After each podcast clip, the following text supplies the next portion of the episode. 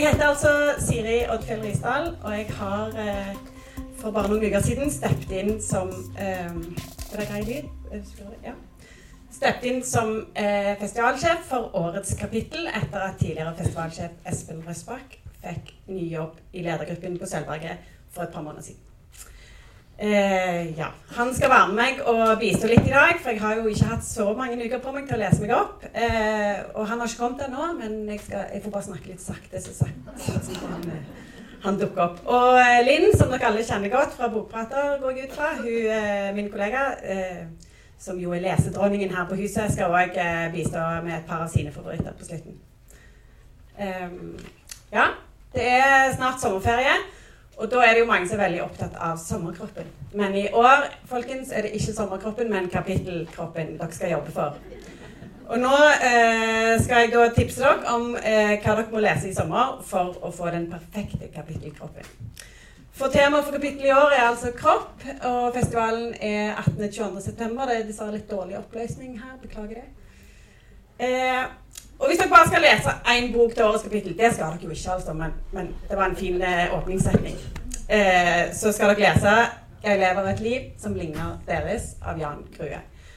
Denne vakre memoarboken handler om å leve med en sårbar kropp, og den er nominert til Nordisk råds pris eh, i 2019. Og Jan Grue han er professor ved Universitetet i Oslo innenfor eh, spesialpedagogikk. Så han har en veldig sånn intellektuell tilnærming til kropp og eh, sykdom, funksjonshemming, men òg normalitet. Eh, eh, ja. Og han skriver om kroppsforståelse på en veldig sånn berørende måte. For han er òg, selv om han har en sånn intellektuell tilnærming, så er han en strålende formidler. Eh, han var bl.a. gjest på Nytt på Nytt i vår. Kanskje noen husker det? Så han er, han er morsom og vel verd å få med seg. Um, og så en annen som har skrevet om å leve med en sårbar kropp, som kanskje ikke er så kjent som uh, Jan Grue, er Bjørn Hatterud. Han er kunstkritiker, og han har skrevet denne korte pamfletten som heter 'Mot normalt'.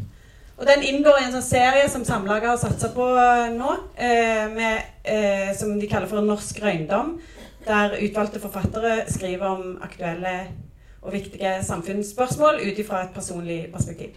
Og Bjørn Hatterud han ble født med en eh, Ja, han har flere funksjonshemminger. Han ble født med en, en klump ryggen, og han har en skjevhet i beinene som gjør at han har vansker med å gå. Uh, og han hadde som barn da veldig vanskelig for å være med de andre ungene og leke. Så han ble sittende uh, mye for seg selv. Og hans uh, trøst ble bøkene, og han leste gjennom hele barndommen. Eh, for å på en måte kompensere for denne utenforskapen som kroppen skapte for han da, fordi at han ikke kunne henge med i lek rent fysisk. Men så har han også, erkjente han òg etter hvert som han ble ungdom, at han var homofil. Og dermed så han måte, følte han seg sånn dobbelt utenfor, for han kommer fra en, eh, et mindre sted, fra Brumunddal på Østlandet. Og der var ikke eh, Det var ikke veldig mye rom for å være annerledes. Så han hadde det ganske tøft, og det skriver han veldig åpent om. Eh, og så fram til å komme til Oslo etter endt eh, videregående for å på en måte eh, bli en del av mer inkluderende miljø der. Men så opplevde han for tredje gang en sånn slags utenforskap i at han eh, han, had, altså han kom og oppsøkte homofile miljøer i Oslo, så var, var jo kroppsspråket der å være på en måte elegant og feminin og, og uh, urban, mens han var en, en han var en brumunddåling med et kroppsspråk deretter, og følte på en måte dermed hvordan kroppsspråk òg kan være en måte som skaper utenforskap. Så dette kunne jo vært en veldig trist historie. Eh, det er det ikke. Han skriver veldig sånn lunt og, og varmt. Og han skriver jo òg om Eller det han forteller om, er jo hvordan da hans eh, nedsatte funksjonsevne har blitt hans billett til en klassereise og et godt liv. For han begynte jo å lese som barn. Og det har da blitt hans uh, virke å skrive om, om, om, kropp og om funksjonshemming og sine egne erfaringer. Og så er han også kunstkritiker. Og Denne boka tok meg kanskje en time å lese, men jeg har brukt så mange timer på å tenke på den og sitere den og snakke om den etterpå. Så uh, får vi dere den. Og for så vidt de andre bøkene i den norske Røyndomsserien. De er veldig fort lest, men de er veldig engasjerende. Og flere av de andre forfatterne kommer også til kapittel. Uh, ja, jeg må bare si at det, Nå får dere jo vite litt som ikke alle andre vet. For vi har offentliggjort noen navn på nettsiden. Men jeg vil òg snakke om noen navn som vi ennå ikke har gått ut med i dag. Blant annet Bjørn. da. Uh, men vi har stilt ut bøkene vi snakker om i biblioteket i andre etasje for de som vil gå og få låne de med seg med en gang. Uh, et annet perspektiv som er interessant når temaet er kropp, er alderdom. Uh, og en som har skrevet veldig fint om det, er Johan Mjønes, den unge forfatteren her, som uh, er aktuell med denne romanen 'Heim'. Den handler om Jørgen Heim, som ligger alene i en seng på sykehjemmet, og som skal dø. og så detter han inn og ut av livet, eller tiden, og, og, og mimre tilbake om, om livet på slektsgården Heim i Trøndelag. Uh, det handler mye om forsoning. Veldig, veldig fint. Eh, fin skildring av, av øh, å bli av, Å være ved enden av livet, da. Og Johan Mjønes han skal møte Tore Renberg i samtale på kapittel. For Tore Renberg er òg aktuell med en bok om alderdom som kommer i august. Denne boka har kommet allerede, men Tore sin kommer etter sommeren. Og den heter 'Ingen tid å miste'. Og uh, når, han, når, jeg spurte Tore om hva handler den om, da, så sa han 'ei gammel dame'. Så det er det jeg vet om den. Men de skal i hvert fall snakke sammen. Og uh, hun som skal intervjue, heter Guro Hoftun Gjestad. Og hun uh, fikk mye oppmerksomhet for noen år siden fordi hun skrev en bok som heter 'Storbarnsliv', om å være Altså alle, at det ikke bare er frustrerende og vanskelig å ha små unger og lite søvn og bleier og alt det der, men det kan være like utfordrende å ha tenåringer. Og nå til høsten er vi aktuelle med en fagbok som heter 'Eldreliv', om, å ha, eh, om ulike perspektiver på å ha ansvar for å bli Eh, for eldre, og selv bli eldre. Um, så hun skal intervjue de. Så les hjem i sommer og få med dere den samtalen. Um, et mer smertefullt eh, perspektiv på kropp er jo alle historiene om overgrep. Og en av de beste bøkene som har kommet innen dette temaet det siste året, er denne, som heter 'Kinderhore' av Maria Kjos Fond. Den ble nominert til Brageprisen i fjor. Og det er Eh, det er grusom lesning. Det er kjempevondt. Uh, hun skriver om å skildre sin egen oppvekst med en rusavhengig mor. Så hun skriver jo om omsorgssvikt, og etter hvert òg om alle disse fedrene som kom og gikk, og hvordan hun av en av de da blir utsatt for overgrep. Og hun har vært åpen om at det er basert på egne erfaringer. Øh, og hun skriver veldig øh, selv det, Men selv om det er grusomt å lese, så har hun ekstremt vakkert språk. Og hun skriver veldig en kortprosaform. Sånn at, at hun, hun, går ikke inn i detaljer, men, men, setter i gang en masse tanker. Veldig øh, Ja, veldig sterk lesing og og et fint perspektiv på hvordan man på en måte kan klare å leve videre når man bærer på et sånt traume. Og på kapittel så skal Maria Kjos i eh, samtale med Katrine Nedrejord, eh, som òg er en sånn ung, spennende stemme. Hun eh, skal være husdramatiker på Nationaltheatret nå, sammen med Monica Isakstuen, som noen av dere kanskje kjenner. Eh, og i denne romanen 'Forvandlinger' så skildrer hun eh, hovedpersonen eh, sitt forsøk på å leve videre etter at hun har blitt utsatt for et overfalls en, unnskyld, en overfallsvoldtekt. Uh, så dette er jo ikke omsorgssvikt i barndommen, men et, et, overfall som skjer mens hovedpersonen bor i Paris. Hovedpersonen kaller hun bare for K. Uh, hun selv heter jo Katrine. Så sånn sett så tangerer han jo Maria med at, at, begge skriver om og har vært åpne om at de skriver om egne erfaringer, men begge bruker språket og den skjønnlitterære romanen til å skrive seg gjennom det. Uh, ja. Uh, hovedpersonen bor da Det er en norsk forfatter, men hun bor i Paris når dette skjer. Men så reiser hun tilbake til Oslo for å være tett på familie og venner uh, de første månedene. Uh, og så reiser hun tilbake til Paris og prøver å stable livet sitt på beina igjen der. Og Nedrejord skriver veldig klokt om den prosessen. så er det Trude Marstein, som sikkert mange av dere kjenner, som òg er en mester i å skildre kroppslige erfaringer fra et kvinneperspektiv, om en ikke så vonde eh, eller brutale. Og denne siste romanen, 'Så mye hadde jeg', har hun fått strålende kritikker for. Den handler om, eller Vi følger Monica eh, fra hun er ca. 13 til hun er en del godt inn i 50-årene. Eh, Og hele livet så har hun båret på en sånn uro, eller det som en av anmelderne kaller for det moderne begjæret. Altså eh, jaget etter hele tiden noe annet eller noe mer.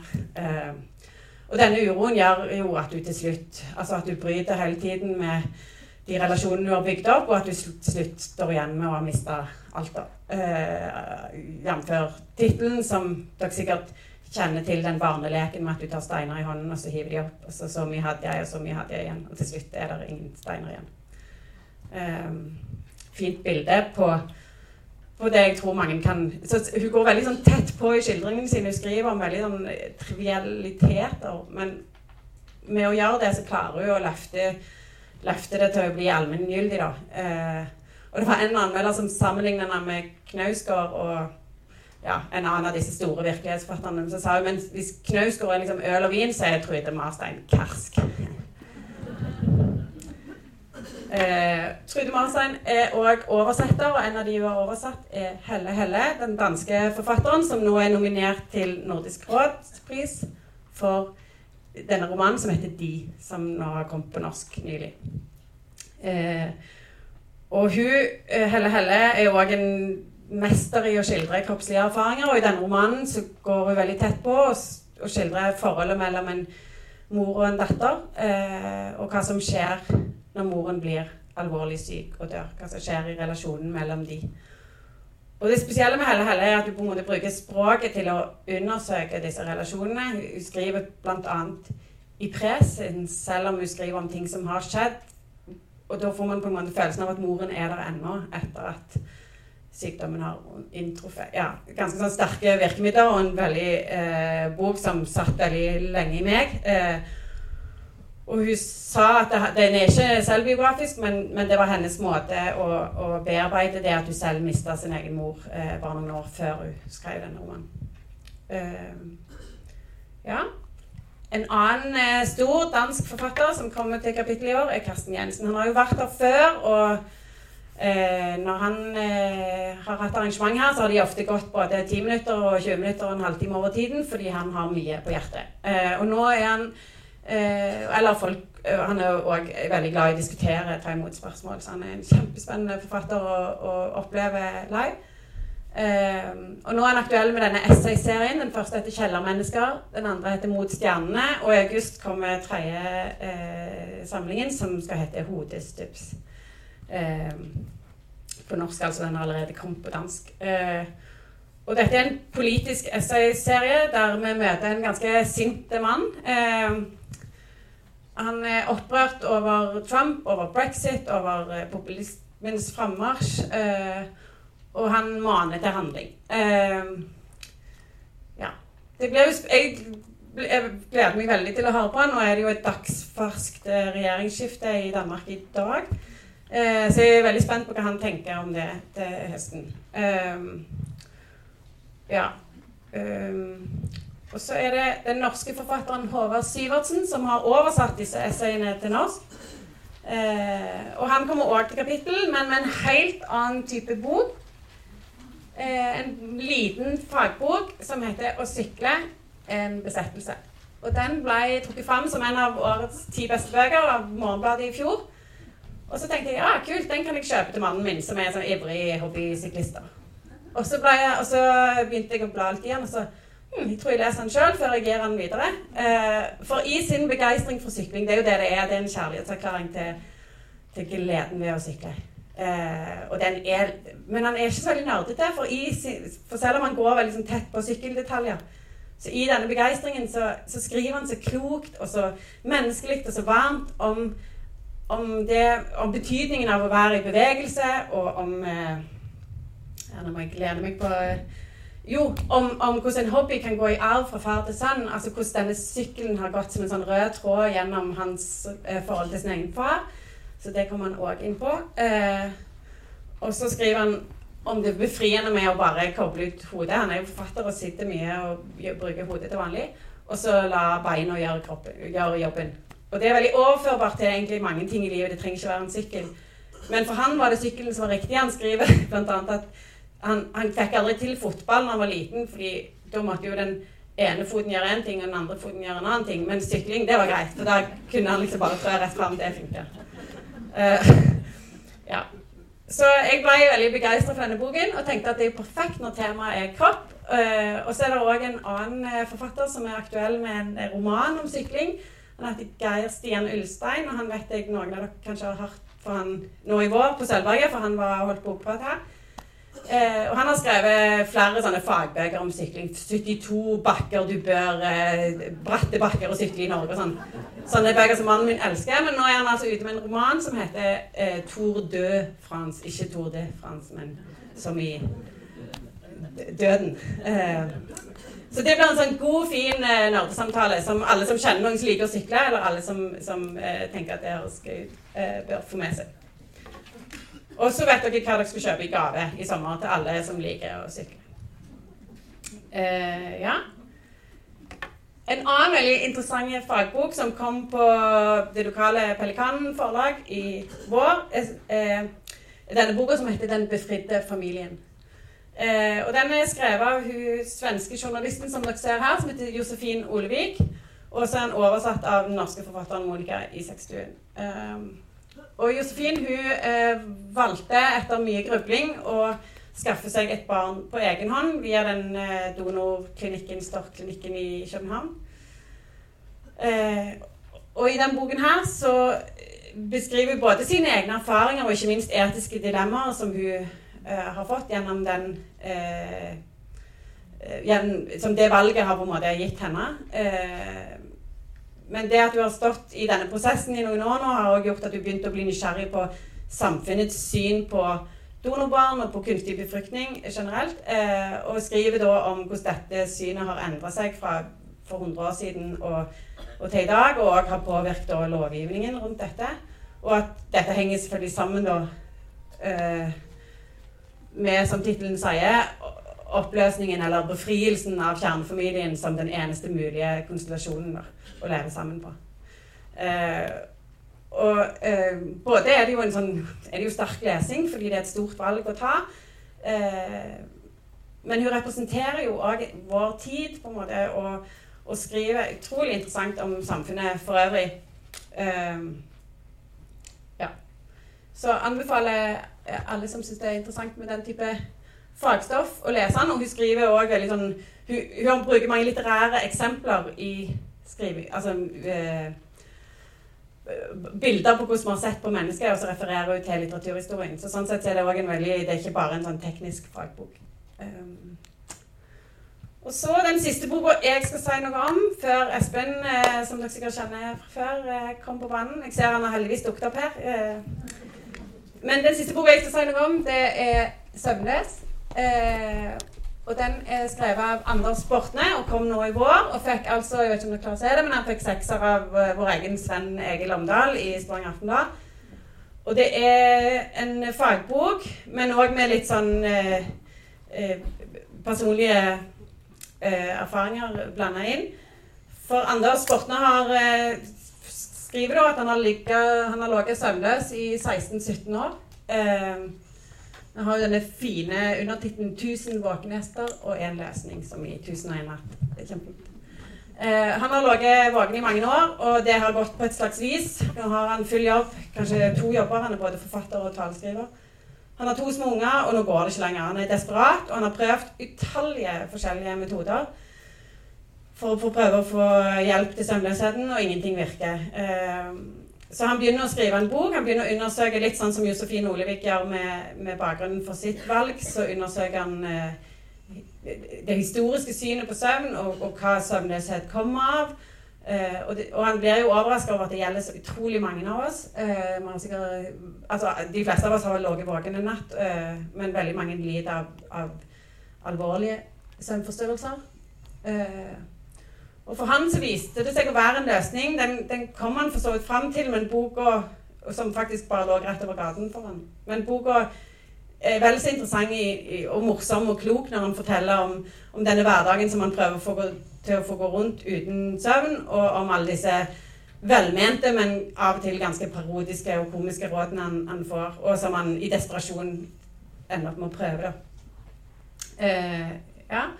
Han eh, Ja, hva var det der sto bakpå? At det er en eh, varm og morsom og klok bok for alle som har ligget våkne om natten og lurt på hvorfor, men òg for alle som ligger ved siden av dem.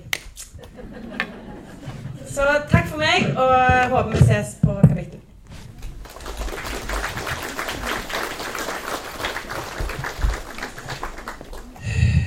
Ja, hei. Da skal jeg eh, Vi har jo avtatt litt arbeidsdeling eh, her. Ja. Um, jeg følte jeg måtte si ja takk til det da, for å liksom bare bevise at jeg ikke har gått helt heden. Være, med litt og formidle litt og anbefale bøker dere kan lese eh, til sommeren. For de som ikke husker meg fra i fjor. For jeg har jo snakket i, dette foran om, om de bøkene som kom til kapittel i hvert fall en fire-fem år. tror jeg vi har hatt dette opplegget. da. Så er jeg Espen Røsbakk, og jeg var kapittelsjef fram til 1. mai. Og så eh, kom Siri inn for å styre skuta, iallfall i år, Siri. Så eh, nå skal jeg eh, trykke på denne knappen her sant? for å gå videre til den neste boka vi har lyst til å anbefale. Det her. Ja, du gikk feil vei. Feil vei, ja. Feil vei igjen? Nå kommer den nye sjefen og hjelper. Ja. Sånn. Akkurat. Ok, takk skal du ha. Ok.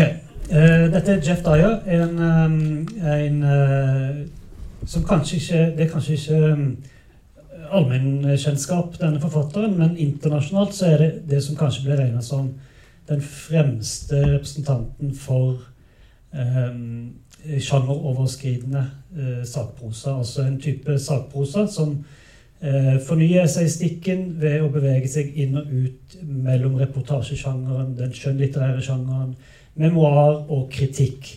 Det er det som har vært hans, eh, som har vært Jeff Dyer sin, eh, sitt utgangspunkt. Han skriver kritiske tekster om, om, musikk, om bøker, om, eh, om, eh, om kulturen generelt. I tillegg til en veldig stor produksjon av reiselitteratur. Og det er jo denne boka vi har vist fram på skjermen her, det er en samling av hans reiseessays i perioden fra 2003 til 2016, gitt ut på Flamme forlag. Så vi er veldig glad for å ha han her. Vi har prøvd på noen år på å få han inn, for han er en som, selv om han kanskje ikke er den som er mest lest, er en viktig og sentral representant for en tradisjon i litteraturen da, som handler om dette sjangeroverskridende. Um, eh, Reiseessays er utlånt nå, så jeg tenkte bare jeg kunne peke på Nå har jeg tatt, eh, lånt den akkurat nå, men jeg leverer den inn igjen etterpå. Det er ett reiseessay som uh, kanskje er spesielt relevant for oss uh, nordmenn. Det handler om at han og kona reiser for å De har hørt så mye flott om dette nordlyset som de vil reise for å se. da. Uh, og, de, og, det er en veldig inngående, veldig flott personlig skildring av denne reisen for, for, som turister for å finne nordlyset. Så kan jeg jo avsløre såpass, da, for det kommer jo raskt fram at det blir en det blir, det blir, nok, det blir nok med frustrasjoner mot slutten når, når, det, når han oppdager, som, som, sikkert flere av oss har opplevd, at det å reise på nordlyssafari det er ikke som å skru på lyset i Ibsen-museet. Det er ikke så tilgjengelig som det nødvendigvis. Jeg anbefaler det på det sterkeste. Det er veldig lettlest essay. Det er korte tekster ofte, disse essayene. Og denne bitte lille boksingen som man leser ut på 15 minutter, som jeg legger tilbake igjen i hylla i første etasje nå eh, seinere i dag. For de av dere som er heldige og plukker med dere den. Så kan dere reservere reiseessays. Eh, han skal jo òg bl.a. snakke med Karsten Jensen om, ja. om reiselitteratur eh, under kapittel. Så det blir et uhyre interessant eh, opplegg. Andre veien. Andre veien. Den veien. Og så har vi en eh, bok uh, i denne veldig flotte serien til Aschehoug Forlag, som jeg må få lov til å reklamere litt for selve serien, fordi den uh, går mot sin slutt. Det er redaktør i Aschehoug Forlag mange år på, på utenlandsk litteratur, Asbjørn Øverås, som har de siste åra jobba med en serie han har kalt Sidespor, der han har virkelig ut fra sitt litterære skjønn plukka ut godbiter fra verdenslitteraturen.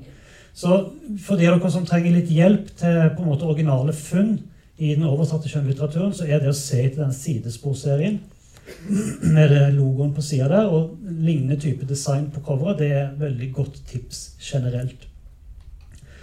Eh, Hassan Blasim er en irakisk forfatter som bor i eh, Finland, i Helsingfors. Eh, han er novelleforfatter. Han skriver med utgangspunkt i, i denne boka i hvert fall, med utgangspunkt i, i regjeringstida til Saddam Hussein, og spesielt tida rett etterpå. Det er relativt direkte og groteske krigsskildringer, men det er gjort på en måte som er surrealistisk. da. Dette er ikke dokumentarisk litteratur om krigen. Det er surrealistiske kortfortellinger, nesten litt i slekt med fabelen noen ganger, vil jeg påstå. om eh, altså Tittelnoveller lik på utstilling handler om, eh, om, en organisasjon som for å oppfylle bestemte ideologiske formål stiller ut uh, lik rundt omkring i offentligheten. Uh, det er òg en veldig uh, flott novelle skal jeg se om jeg husker hva den heter, som heter 'Den i, irakiske Jesus, som står midt inni her Jeg syns kanskje noen av novellene litt inni er hakket bedre enn den første tittelnovella. Eh, den irakiske Jesus, f.eks., hvis man har lyst til å begynne et annet sted. Det er en annen flott novelle om en slags Jesus-skikkelse som eh, en, en, kristen iraker som bidrar, som er i den irakiske armeen under, under, krigen, og som, som alle soldatene flokker seg rundt. For det er noe mirakuløst med han, og bombene treffer de aldri når han er der, etc. Eh, så det er, veldig, altså det, det, det er veldig gode noveller, rett og slett. Han er sammenligna med både Kafka og Gogol og, og sånt. Så er selvfølgelig da eh, på baksiden av bøkene og sånn. Dere kan jo gjøre opp deres egen mening, men det er helt klart at han har noe sånn klassisk eh, novellekunstaktig ved seg, da, denne Hassan Blasim. Så det er veldig kjekt å kunne introdusere han.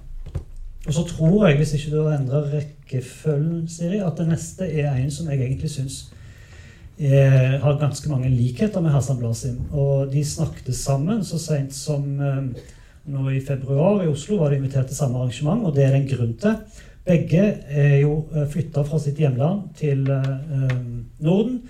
Eh, Marcel Marouf, som jeg snakker om nå, har bodd i Reykjavik. Og begge skriver noveller, og begge skriver med utgangspunkt i bl.a. krigserfaringer. Eh, Marcel Marouf er en, en, liten generasjon yngre, født i 1978 i, i, Beirut. Han kom, og det er jo vi veldig glade for når dette skjer, som uh, vertskap for uh, ytringsfrihetsorganisasjonen Icon, som sikkert dere kjenner til, som tilbyr fribyer til forfulgte forfattere. Han kom som fribyforfatter, bosatte seg i Reykjavik, og vi er veldig glade for de gangene. Det skjer jo ikke alltid. De blir oversatt og blir et et internasjonalt, får internasjonalt gjennomslag for litteraturen sin. Og han er et veldig godt eksempel på det, nå òg med denne norske utgivelsen av noveller som har litt lignende karakter som Hassan Blasim sine òg. Litt sånn i den magisk-realistiske eh, tradisjonen. En som kan gjøre om eh, En som kan eh, gjøre om eh, biler til kjeks og merkelige kuer, litt sånn surrealistiske scener. Ikke i det hele tatt så eller jeg syns ikke så på en måte grotesk egentlig som Hassan Blasin, mer i den surrealistiske retningen. Eh, så vitser til soldatene' òg selvfølgelig veldig bra sommerlektyre. For da kan man lese en novelle i sola med solbriller på, og så er man ferdig liksom med den og kan lese en ny novelle en, en annen dag. Du trenger ikke eh, sånn fullstendig eh, konsentrasjon om en roman. Så noveller er bra om sommeren. Marcen Maruf, altså. Han har vært her før òg, for de som husker han. Da kom han jo som fribyforfatter, hadde ingenting utgitt. og Da er det jo sånn at kapittelpublikummet ofte nedprioriterer de arrangementene. Så jeg er veldig glad for at vi har han tilbake igjen. Eh, sånn at eh, enda flere får oppleve han denne gangen i samtale og lese boka hans. Og så skal vi til noe eh, som ikke er helt annerledes. Fordi Gunhild Øyehaug er òg en eh, um, si berykta, men i hvert fall en veldig dreven, veldig god novelleforfatter. Og har jo òg i novellene sine litt av de samme drømmeaktige kvalitetene som både Marcen Marouf og Hassan Blasim har. Så her er det helt åpenbare stilistiske paralleller. Eh, Gunhild Auhaug eh, eh, sin, eh, hun er også essayist, hun er litteraturviter, hun underviser folk på Universitetet i Bergen. Er, det, men uh, den siste utgivelsen hennes, bortsett fra en samleutgivelse som kom i år, er 'Presens maskin' fra i fjor. Som var en av mine absolutte favorittromaner i fjor. Så de som ikke har lest den, de får bare ta meg på ordet med det og låne den eller kjøpe den eh, ganske fort etterpå. Eh, grunnhandlingen er at en mor og en datter skilles i to forskjellige dimensjoner. Så det er en litt sånn science fiction-utgangspunkt for fortellingen. Eh, og så følger man disse to parallelle universene. da. Eh, eh, det er, hun er veldig opptatt av språk og eh, språkfilosofi. Løg, Så det som, det som skjer når universet splitter seg i to dimensjoner, det er en feillesning av et dikt av eh? Et dikt av um, jeg husker ikke, Av en svensk poet så leser hun et ord feil, og ved den feillesningen så splittes universet i to dimensjoner. Så For de som har lyst til å lese den metalitterært, denne boka, så kan de gjerne det. For de som har lyst til å lese den som en science fiction-fortelling, så kan de gjerne det. Eh, I alle tilfeller er jeg veldig glad for at hun kommer. Hun var jo for et par år siden òg. Men det er alltid kjekt med et gjensyn med Gunhild Øyehaug. Eh, så er det en annen som faktisk aldri har vært der før. Gunnar Wærnes han, så vidt jeg husker, han ikke vært på kapittel før. Og det er litt underlig, for jeg regner han som en av de sterkeste poetene i, i den yngre Han er ikke helt pur ung, men den yngre generasjonen av poeter i eh, Norge. Han har gitt ut flere sterke samlinger med billedrike, veldig fantasifulle eh, dikt om alt mulig, men som ofte berører litt sånn religiøse, mytologiske ting. Eh, eh, jeg hadde tenkt å ta med noen av titlene, men det er kanskje ikke så viktig. Han, bare, han har eh, ikke veldig mange, men veldig gode eh, diktsamlinger. Den siste er 'Venn med alle', som kom ut eh, i fjor, 2018, på forlaget Oktober. med med og et veldig flott cover. Uh, man bør egentlig eie denne boka, syns jeg. Skal jeg, vet ikke om jeg skal bare lese litt jeg, for å gi litt innblikk. Så får vi litt sånn at jeg leser litt òg. Kan, kan, jeg gjøre det? Bare lese kort dikt? Ja. Den heter 'Sulten'. Eller 'Sulten'. Jeg vet ikke. Han, han, har skrevet det 25.11.2004, da alle diktene er datert i boka. Det er jo litt fint måte å gjøre det på, tenker jeg. Så ok, Han skrev det i 2014. Haren vil gjemme seg i gresset, men ørene stikker opp. Elgen vil gjemme seg i skogen, men geviret stikker ut. Rådyret vil forsvinne i krattet, men hallen er hvit. Villsvinet vil gjemme trynet i jorden, men det damper fra gapet. Poeten vil gjemme seg i boka, men tungen henger ut. Tungen vil gjemme seg i munnen, men den kan ikke holde munn. Skjorta vil gjemme seg i buksa, men armene åpner seg, knappene stirrer. Ordene vil gjemme seg i setningen, men hensikten stikker ut. Insektet vil være en stein, men livet må røre seg. Varmen vil gjemme seg i kroppen, men blir rød på bildet. Vennlighet vil gjemme seg i mennesket, men tennene skinner. Havet gjemmer seg i mennesket, men tårene vil trille. Sant? Det er fint. Så det er ganske klassisk. og Det er på en måte lyrikk eh, på ekte, syns jeg. Det, og, og har, denne her var veldig sånn med gjentagelser og veldig sånn klassisk i formen, egentlig. Så har veldig mye som er litt rarere. Eh, men jeg, jeg, tenker fremstår som litt utilgjengelig kanskje i presentasjonen og på nett, og sånn, men er veldig tilgjengelig poesi. Og, og han skal skrive noe nytt for oss. da. Det er litt spennende. Han har fått et bestillingsoppdrag og skal gjendikte middel, en middelalderhymne som heter uh, 'Salve mundi salutare'. heter han vel, er mest kjent uh, i, under, i Buxtehude sin uh, komposisjon. altså middelalder, Barokkomponisten Buxtehude som membra Jesu nostri. En middelalderhymne som, går, som ser på Jesu døde legeme del for del. Og priser beina og priser prise knærne og prise. Så når vi skulle ha kroppen som tema, så tenkte vi eh, hvem skal eh, redikte denne? Og det ble Gunnar Wærnestad. Eh, så det ble veldig spennende å se hva han får ut av det. Han er den rette personen til å gjøre det med og med sin religiøse interesse. Så det skal vi sikkert si mer om etter hvert. Jeg snakker, snakker litt lenge. Nei. Ok, Nei, vi har god tid. Greit. Også nok en poet. Og det tenker jeg jo er en sånn Kanskje det er en liten tendens i programmet i år eh, at vi faktisk har noen veldig sterke poeter på programmet. Eh, som eh, ikke, det ikke alltid har vært. At det ikke alltid har vært liksom veldig tydelig fokus på poesien. Og, og, det syns jeg jeg ser i år av, av forskjellige grunner at det, at det blir da, med noen veldig sterke samtidspoeter. Og der syns jeg òg vi skal huske på Einar Villanger. Eh, når vi sier 'Hvem er de sterke samtidspoetene?' Einar Villanger skriver òg eh, i en tradisjon som er sånn fortetta et ganske klassisk lyrisk univers. Men på en måte så, mer, så har vi jobba i en mer sånn historisk utforskende tradisjon enn en mange andre. da, og gjort mye kildearbeid og sånn. Og Eh, skal, nå skal jeg innrømme at jeg ikke har lest uh, 'Nattnød' uh, ennå, men det er jo den nyeste samlingen hennes som nettopp kom. Den er ikke på biblioteket helt ennå, men den er på vei. Uh, den går an å få kjøpt nå, så den er ute. men Jeg har ikke lest den, men jeg er helt sikker på at den er, er en hit, og den handler om morskap, ja. så det er jo noe, noe veldig sånn åpenbart kroppslig i den. Det er um, Ja jeg, jeg, tror jeg sier vi leser den når han kommer. Men jeg kan, jeg kan ha tatt med da, en bok vi har her på biblioteket, som er den forrige. Som heter Baugeids bok, og som ikke er kategorisert som, et, som lyrikk. Den står altså ikke i lyrikksamlingen i andre etasje. her, Den står inne blant uh, den generelle prosaen. Men det er et veldig lyrisk verk. Det er uh, partier som er ren prosa. Det er historiske partier, det er sitater fra middelalderverk. Uh, utgangspunktet er Gregorius Dagson, som ble gravsatt i 1161 i Gimsø ved, nonne, ved et nonneklosser. Og der i dette nonneklosteret var Baugeid, eh, som var søstera til denne Gregorius, abbedisse.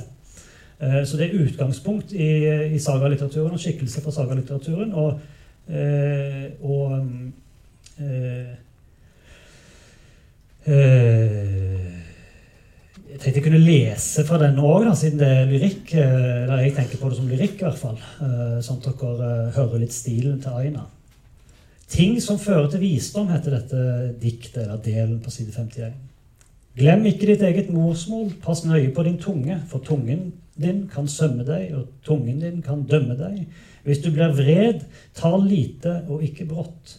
Hvis påtrengende saker tvinger deg til ufred, Vær ikke snart til hevn, men kom ufreden i møte. Vær selv så fredsommelig du kan, men ikke slik at du av frykt tåler fornærmelser eller store bebreidelser. Lær det gode videre til enhver som vil lære av deg, og oppsøk stillhet så ofte du kan. Og dette, dette utdraget viser jo litt hva vi forholder seg til det her sagalitteraturen og, og, og mm, den eldste litteraturhistorien vår. Så Titt på Børges bok, eller få med dere 'Nattnød' når han kommer. Og så er det Espen Stueland, som eh, har vært på kapittel før. Det er 'Gjennom kjøttet', som vi har dratt opp på skjermen her. Og det er det jo en veldig, veldig god grunn til. Det er et kanonverk som er basert på doktoravhandlingen til Espen Stueland om disseksjonens eh, og kroppens kulturhistorie. Det er altså så utrolig nerdete, men så smakfullt og grundig gjort. Eh, med bilder og alt mulig om disseksjon eh, som kulturhistorisk og medisinsk eh, fenomen. Så det sier jeg bare. Det er et praktverk som en, fremdeles som en gave eller bare låne og lese og se og bla i. Han, det, er utgangspunktet i en doktoravhandling, så dette er på en måte veldig sånn faglig sterkt. Og kan selvfølgelig være, kan leses som et, som et faglig Eh, strengt faglig verk, men, men, eh, men eh, å bla i det som, som, som lekfolk òg, og få med seg litt her og der, er, er veldig givende. Så Espen Stuland skal snakke om denne på tiårsjubileet for denne boka, og det er selvfølgelig svært relevant for årets tema kropp. Jeg må bare nevne Espen Stuland sitt prosjekt som akkurat har vært i korrektur. Den kommer snart.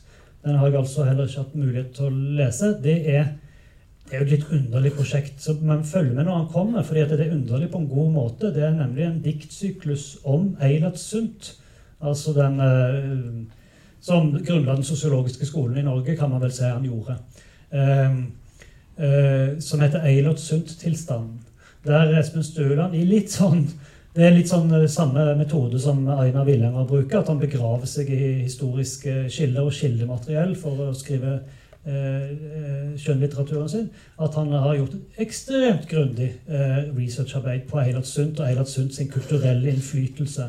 Han holdt et foredrag på litteraturfestivalen i Lillehammer om, om eh, den kritiske mottakelsen av Eilert Sundt på 1800-tallet.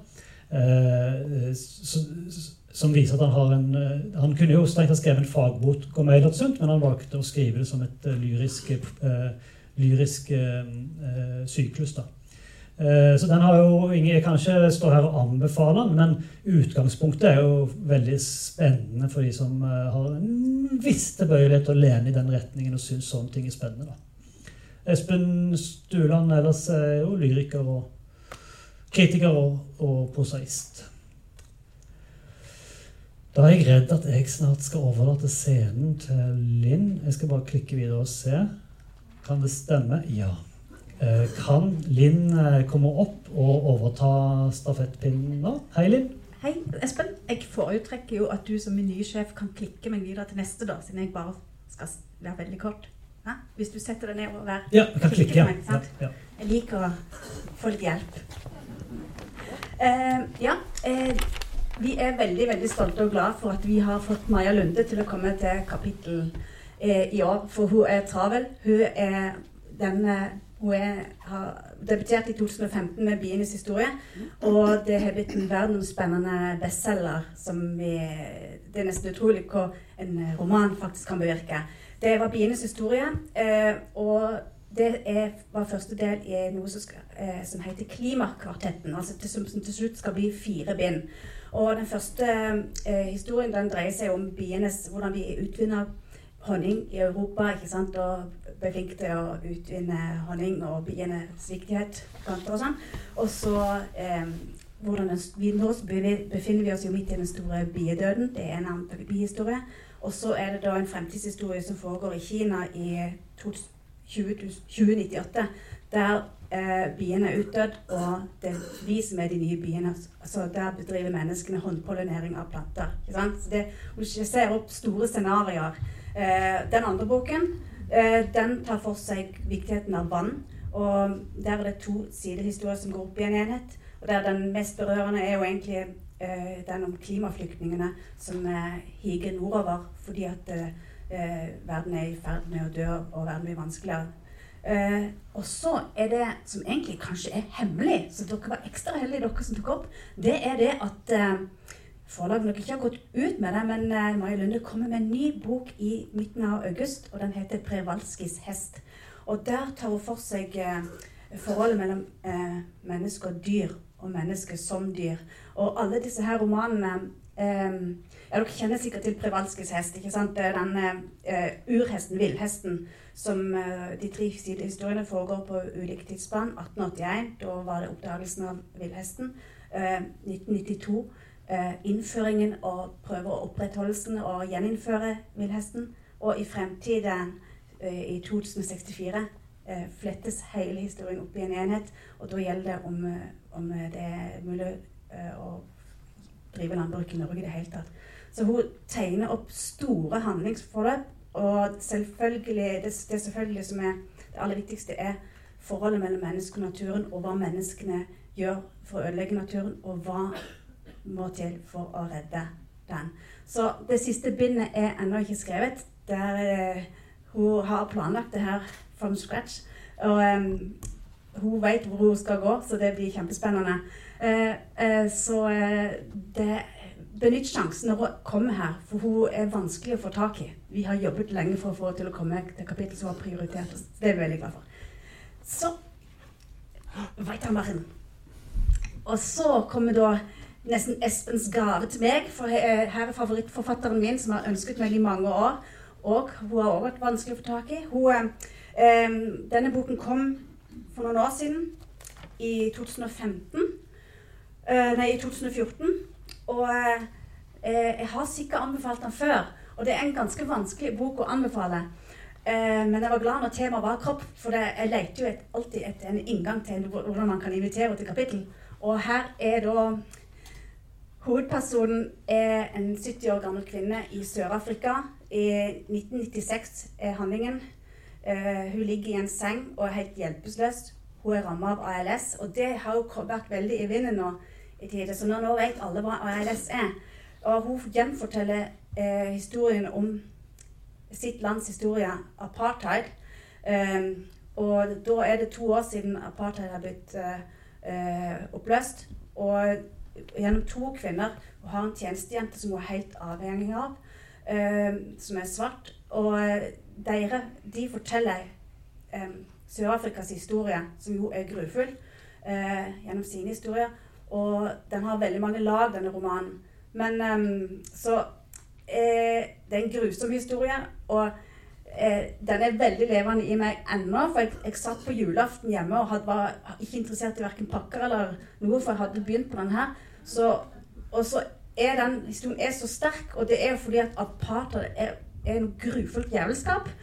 Uh, og kobla sammen med denne kvinnen med den sterke livskraften som ligger helt hjelpeløs og er helt avhengig av den sorte tjenestepiken, som selvfølgelig er en frihet. Og så kan man egentlig bare forlate når som helst. Er det eh, straff og, og hjelpeløshet som er helt uh, fantastisk kobla sammen. Det er, var så sterkt for meg at jeg gråt og gråt og gråt. Og mor min var helt fortvilet. Hun var redd at jeg gikk inn i en kjempelivskrise. Men det var bare det at leseropplevelsen var så sterk at jeg ikke klarte å stoppe. Så det eneste jeg angrer på, er at jeg leste den for raskt, for den fanger meg så sterkt. Men den har mange flere lag, så hvis dere har tid, så skal dere heller kjøpe den. Jeg har sjekket prisen, for vi har bare fire eksemplarer på Sølvberget. Men den koster bare 169 kroner, så kanskje man skal kjøpe den og virkelig grave så dypt inn i en roman. Og nå er det jo et par år siden den kom, så noen har kanskje glemt henne. Men derfor er jeg avhengig av at dere stiller opp som publikum og hjelper meg å fylle en sal. For dette her gleder jeg meg til. Men Espen hun er jo eh, aktuell med en lyrikksamling som jeg ikke har lest. ikke sant? Kom med en bok til høsten. Jeg spør deg, for det vet jeg egentlig litt lite om. Fordi jeg har jo bare lest denne her, men den er helt fantastisk. Og jeg vet ikke hvordan jeg kan si det. Denne boken solgte 30 000 eksemplarer i Sverige når den kom. Jeg tror ikke han solgte så mange her i Norge. Jeg tror han er mer som en skjult skatt. Men eh, gled dere. Eh, det vil du si den, den eh, lyrikken? Hva vet du om den? Den er oversatt til engelsk, men, eh, så det er, det er, usikkert om den blir oversatt til norsk i tide til festivalen. Men, men, hun ønsker jo det, så det eh, kan hende. Men hun skal delta i en samtale med Karsten Jensen, eller er det ikke helt på plass? Ja? Jo, vi prøver å få til det. Ja, det er det vi skal prøve å få til. Helt... Om litteraturen så sitt politiske ansvar. Ja. Ja. Uh, ja. Så uh, det er egentlig var jeg heldig som fikk lov til å avslutte med den med et sånn brennende engasjement. Så, eh, og så er det jo min rolle da at jeg skal få lov til å takke for uh, følget denne våren. For det neste arrangementet det er avlyst, og det blir utsatt til høsten. Uh, så i dag er det den faktisk siste bokpraten. Men jeg er utrolig takknemlig for at dere møter opp så trofast til disse torsdagsmøtene våre. Og at dere òg er så fornøyde og så hyggelige det å roses, det er jo veldig hyggelig, det her. Så den beste jobben har nok jeg, selv om alle dere andre her fremme har gode jobber. Så da er det min jobb å sende dere ut i solen. Det er òg en fin ting. Så da gå og lån bøker. Kjøp de hvis de er på tilbud, og kos dere sammen med å forberede dere til kapittel. Kapittelkroppen får dere ved lesing.